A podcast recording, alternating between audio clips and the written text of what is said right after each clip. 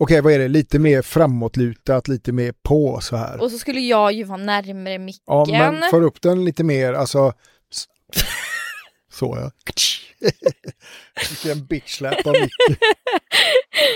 Eh, och du, eh, du hade ju bra sen sist. Jag, liksom. jag, var, jag var perfekt. Du får eh, räkna ner. Okej. Tre, två, ett.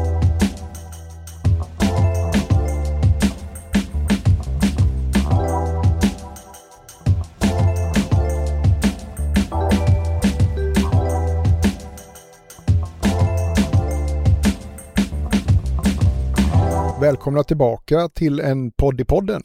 Jag heter Alarik. Och jag heter Rebecka. Vi fick faktiskt in en fråga efter vårt eh, första avsnitt som hette det är inte för alla att vara konsult. Och den frågan var Hur är det på konsultmarknaden just nu? Därav kommer det här avsnittet att handla lite mer om ja, men nuläge, ja, men hur det är för oss. Vi tar lite tempen på konsultmarknaden helt enkelt. Ja men precis och då kanske någon undrar, ja men hur kommer man i kontakt med oss då och den här En podd i podden? Ja, bra fråga. Vi har ju faktiskt en mejladress som är en podd i podden snabela codes.se. Codes stavas med Q för er som inte vet det. Och allting sitter ihop. En podd i podden at codes.se. Nu kör vi. kör vi.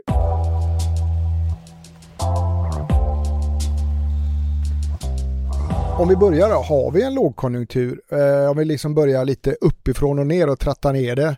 Makro mikro, är Sverige en lågkonjunktur? Och det här är rätt intressant. Å ena sidan säger Konjunkturinstitutet, de har sagt det nyligen att den svenska ekonomin 2023 går in i en lågkonjunktur. Både hushåll och företag pressas av den höga inflationen och det allt högre ränteläget. Och de hushållens reala disponibla inkomster minskar och det märker man väl själv om man nu sitter med rörliga räntor. Men samtidigt såg jag nyligen i en av våra stora dagstidningar att flera analytiker ser fina siffror här i rapportfloden och då var det en analytiker som uttryckte sig lite rubrikvänligt. Det har ylat som recession och kris sju kvartal i rad. Det börjar bli lite tjatigt.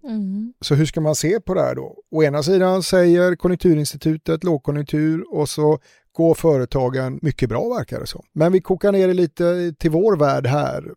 Rebecka, märker du att det är lågkonjunktur? Ja, det gör jag. Eller jag har märkt liksom att det jag handlar, det jag brukar handla är dyrare, speciellt matvaror. Eh, min sambo älskar att ha skagenröra på mackan. Det är någonting han har varje gång på mackan. Grymt! Och det har blivit dyrare, det har typ gått upp med 20 kronor i burken. Så på det sättet, där har jag väl märkt det. Sen har jag väl märkt det mer som en eh, skillnad eh, liksom. Det är svårt, jag har inte varit med om en lågkonjunktur på arbetsmarknaden tidigare.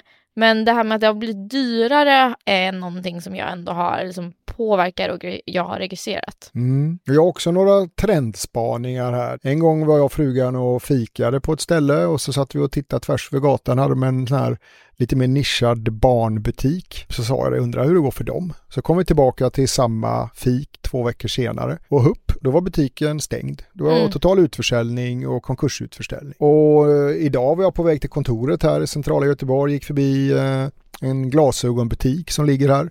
Hopp, 40% rea på allting, konkursutförsäljning.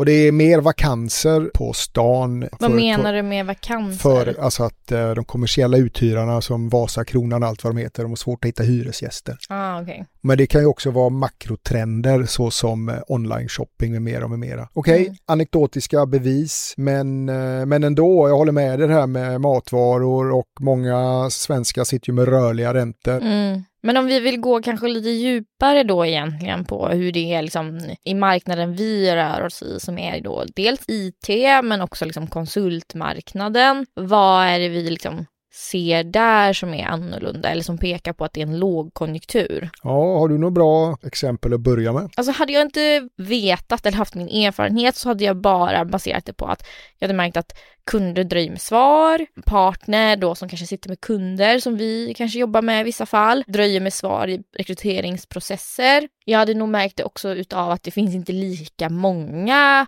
jobb eller det finns inte lika många uppdrag. Sen ser man ju inte riktigt alltid det som händer bakom det, alltså bakom en annons. Men det är i alla fall någonting som många tror jag ändå kanske kan se att det finns inte lika många annonser, det finns inte lika många uppdrag. Och det finns, skulle jag vilja tillägga också den trendspaningen, det finns många fler kvalificerade kandidater till förfrågningar. Om man nu pratar förfrågningar som i vår värld, alltså det kommer en förfrågan från en kund eh, som går ut till marknaden via direkta leverantörer och via ombud, så kallade konsultmäklare. Vi har ett konkret exempel, eller kanske två konkreta exempel. Det var väl någon UX-are, mm. alltså som jobbar med uh, user interaction, ja. ja, gränssnitt. De fick in 70 kvalificerade svar på kort tid. Mm.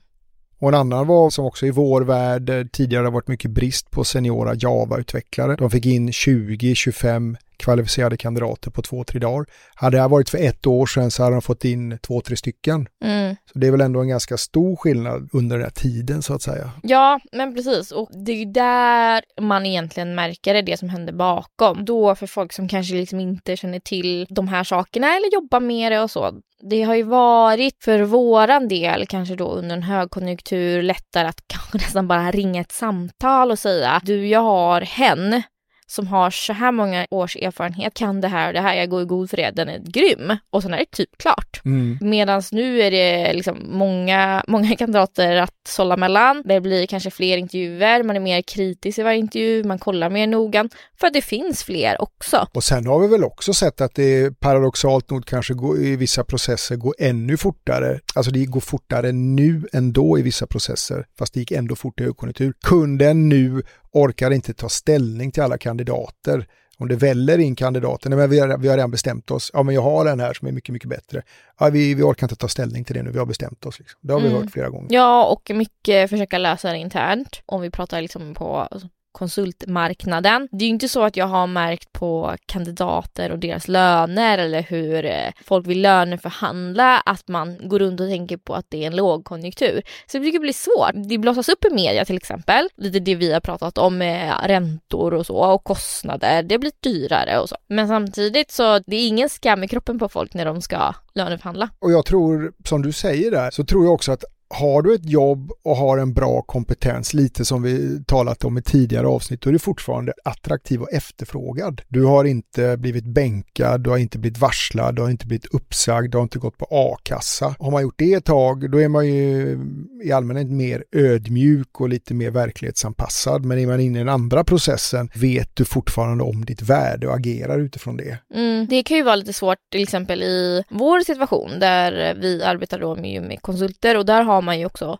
ett timpris hos kund och det är alltså vad man får betalt per timme. Det är ju ett form av arvode och det är ju också, ja men någonstans så borde ju arvodet ha relation till lön. Mm. Men där har vi ju också märkt att kunderna är ju duktiga just nu på att dels pressa ner priset, men det har ju, beror ju också på att de andra konsultbolagen lägger lägre pris för att man ska bli vald så att säga. Alltså ta min kandidat, ta min medarbetare. Ja men så är det ju. Du är aldrig så förhandlingsvänlig eller förhandlingsmedgörlig som du har en, en full bänk som vi säger i konsultbranschen. Och vad innebär det då? Jo, du har en konsultbänkar, alltså hen är obelagd och det är klart, då har du ju lön och inga intäkter. Eh, har du många som sitter på den eh, imaginära eller verkliga bänken, eh, det blir ju som en restresa med ett flygbolag. Det är bättre du fyller den stolen, då får du in några pengar än inga pengar alls. Det är mm. ett kortsiktigt tänk också för du, du i allmänhet får aldrig upp de pengarna. Om du säljer hen för 70 eller halva priset så får du aldrig ut, men då får man ju byta uppdrag när det vänder. Men klart, det är också en strategi, men du, har mm. i alla mm. fall få, du får i alla fall intäkter och förhoppningsvis kostnadstäckning mm. istället för att du blöder. Den delen blir ju vi påverkade av som kanske har,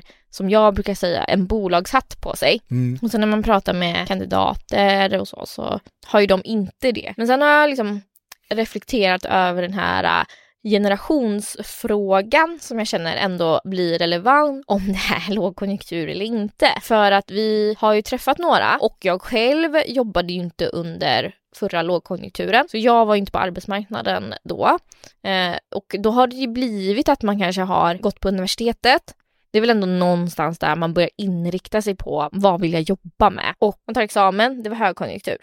Och sen har det varit det under sina första liksom, hundår eller de här tre, fyra och första åren så var det högkonjunktur. Då behöver man ju säga att man ska byta jobb ofta, du ska inte stanna på en arbetsplats för länge och ja men de sakerna. Och det tror jag, det har jag märkt bland liksom kanske lite inom citattecken äldre personer och en yngre generation att de kan nog inte säga så här, är det lågkonjunktur? Ja det är det. Utan för de är nog bara så här, ja men det är lite dyrare. Mm. Men det, de är inte oroliga. Det är inte så det här med liksom att ja men jag kan ta en lön som är skälig bara jag får ett bra jobb och behåller jobbet. Utan det är fortfarande så här, nej men jag går dit jag får bäst betalt och jag ska ha så mycket som möjligt. Det tror jag, jag håller med dig absolut. Och det var, läste jag någonstans, de som hade upplevt Lehman Brothers-kraschen, framförallt då inom banksektorn, de hade det muskelminnet och hade foten närmare kanske bromsen än gasen. Men när man byggde upp den krisen, då, hade, då var det länge sedan krisen innan. Då hade du foten bara på gasen hela tiden. Men allt är ju relativt. Mina svärföräldrar har ju berättat hur svettigt det var under hösten 1992. Det är ju skitlänge sedan. Men då tvingades Riksbanken höja räntan till 500 procent. Alltså 500 procents ränta. Och då var ju Sverige uppe, mitt uppe i en finanskris och detta för att försvara kronan. Och försvaret lyckas ju inte och kronkursen släpptes fri. Men man hade 500% ränta i tre dagar. Under de tre dagarna gick det inte att ta nya bolån och bankomaterna var stängda. 500 procent? Ja, och nu har vi tre och en halv. Ja. 500 Ja, det är bara att räkna. Ja, vad har jag i banklån och så Ja, 500 procent på det. Mm. Eh, Men jag har ju träffat mycket folk som eh, i tidigare, jag har varit med lite längre, jag har varit med om några krascher. Och eh, det var många som blev uppsagda, fick flytta, sälja bostad och flytta hem till föräldrarna. Och de, är, de i allmänhet har ett annat mindset så att Ja, säga. men de är liksom de är lite mer tacksamma för det finns något där i bakhuvudet som gör att de blir lite mer tacksamma. Ja, man har varit med om när Ja. ja. baseballträet kommer smackar den i bakhuvudet. Liksom. Mm. Det finns i den här superkonjunkturen som man tror växer till himlen men det, det gör den inte. Nej, precis. Samtidigt som det är inte bajs som jag brukar säga. det är, Nej, det är Utan det, det, så är det ju liksom. Men därav kanske ännu mer att man behöver vara väldigt relevant. Vi brukar ju säga det också att det vill någonstans här där vissa bolag konkar. Mm. Vissa bolag kommer överleva och sen gå bättre. Det blir en ganska så här äh, topp mellan botten ganska tydligt när det är det här läget. Ja, och det är många bolag som kanske bara, de har fått in foten hos någon storkund och sen går den kunden jättebra. Och då blir det en lunga som andas ut och sen går den kunden dåligt. Ja, vad gör du då liksom? Det är bara att andas in och varsla. För du har inte råd att ha folk på bänken. Mm. Och jag tror vi alla känner till något bolag som ändå liksom har behövt varsla eller som faktiskt har gått i konken. Har du några konkreta exempel? Vi vet ju bara här som berör oss är ju liksom att Nevs har ju liksom gått i konken. Och Nevs, vad, vad är det för några då? En automotive-kund som ligger i Västra Götaland. Men också bara alltså, något som alla borde känna till är väl ändå så här, ja, men Telia, Spotify och det är ju en attraktiv kund. Båda de är attraktiva kunder som har varit tvungna att varsla folk. Och en, en annan trendspaning här är Volvo Car. En Mm. stor, och de kom med sin delårsrapport nyligen. Superbra, superbra. Men de behöver gå in i besparingar för de ser kostnadsökningar och det kanske vänder. Mm. Skrev de att ledningen kommer att gå ut med något eh, kostnadsprogram. Man är väl, vad ska man säga, man är mer försiktig. Det är inte stängt. Alltså det är inte så att alla har bommat igen. Det är inte så att alla bolag kollar på varsel och eh, man kan inte höja lönerna och de här sakerna. Eh, så jag tror lite det här att det blir att de bolagen som är kanske väldigt specifika, eh, de kommer behålla det de har, den styrkan de har. Ska man rekrytera? Ja, det tycker jag absolut Mm. att man ska göra. Eh, såklart att det finns fler folk tillgängliga och därav tror jag att man behöver besitta en erfarenhet och också kunna tänka ut mer att inte kanske bli övertaggad i rekryteringen utan tänka två steg längre, kanske till och med fyra steg längre just nu Mm. eh, och bli ännu mer petiga med CV, profil och men vi har ju varit inne nästan ännu mer på så här små, små detaljer som har med vissa scenarium som skulle kunna uppkomma om man är konsult och känner att ah, men det kanske inte funkar liksom. Mm. Så man blir nästan picky då, om man ska Ja, säga. ja, men det tror jag är jätteviktigt och just de här scenarierna. Men vad, vad händer nu om den kunden eh, säger nej? Eller den kunden stänger ner och säger upp massa konsulter. Då blir marknaden, kommer det ut många sådana. Vad har vi då för andra möjligheter? Nej, jag tror eh, olika scenarier är viktigt framåt.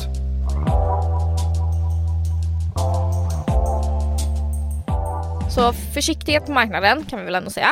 Och det kanske är, jag säger inte att det är bra, men det har ju varit, om inte all in tidigare, så ganska nära all in. Mm. Alltså att, Ja men det får vi nästan säga. Ja, det, det har varit, om det är 1 till 5 där 5 är så bra så har det varit en glödgad femma stundtals. Exakt. Och det är just det, för här besitter vi ju olika erfarenheter. Jag vet inte, vad hade du sagt för nummer? Vad är ett för dig då liksom? Ett är, det är breaks on liksom. Då, då stänger kunderna ner och kastar ut alla. Mm, Okej. Där är ett och fem, då tar man in eh, vad som helst. Mm. Ish. Ja, vad skulle du säga att det var för nummer nu En då? tvåa skulle jag säga. Ja, jag skulle exakt. ställa, kanske inte en svag tvåa, men jag skulle säga en st- ah, medelstark tvåa. Där Mm. trea är normalt. Då är vi under Mhm, normalt, mhm. skulle jag säga. Men det är det här menar, för jag hade nog valt en trea. För det också beror på vad man jämför med. Mm. Jämför man med att högkonjunkturen var en normalitet? Eller vad är egentligen det normala? Ja. Så nu är vi ju ute och svävar på det här äh, igen, ja. generella. Men alltså om man skulle fokusera tillbaka till våran marknad och kanske typ så här också i tillfällen av folk som ska bli konsulter eh, eller ja, men fundera på att byta och så vidare. Så tror jag verkligen att det blir viktigare att eh, fråga rätt frågor, det vi var inne på i första avsnittet. Ja, Kanske ta lite mer tid på sig eh, och eh, verkligen intressera sig för det bolaget som man har tänkt börja på. det tror jag också är superintressant. Eh, så man inte har en kompetensprofil och känner att ja, men jag måste byta för det har hänt något på mitt nuvarande bolag och så hoppa på första bästa. Så att de verkligen kan så att säga sälja ut dig och förstå din kompetensprofil. För eh, det, det som vi har sagt tidigare, det finns så många olika språk och ramverk och backend, frontend, eh, embedded, UX, ja det finns hur mycket som helst och då måste ju liksom den säljande organisationen ha förståelse och upparbetade kundrelationer så att man landar rätt. Liksom. Och det tror jag, det är väl också en grej att skicka med att eh, kandidaten gör sin due diligence Mm, så att säga och att ja. gör sin, eh, sin förstudie och efterforskning. Ja, ehm, och det här med liksom, vad, hur, alltså hur gillar man själv ha dialogen? Och hur mycket erfarenhet har man själv? Alltså har man varit konsult väldigt länge tidigare, ja men då kanske inte det är så speciellt. Men går man från, som vi tidigare pratade om, ett produktbolag till ett konsultbolag Mm. eller eh, som nyexad till ett konsultbolag eller vad som. Man behöver ju mer förberedelser, man behöver ha en mer transparent och tätare dialog.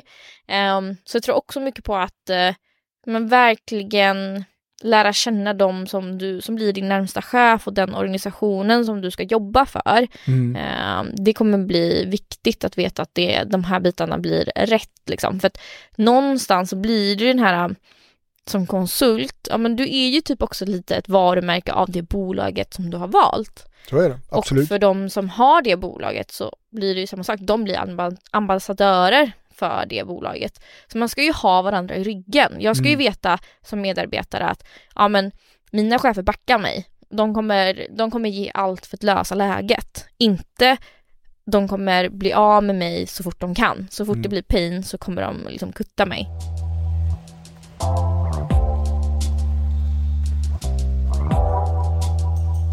Hur ska man sammanfatta den här diskussionen då?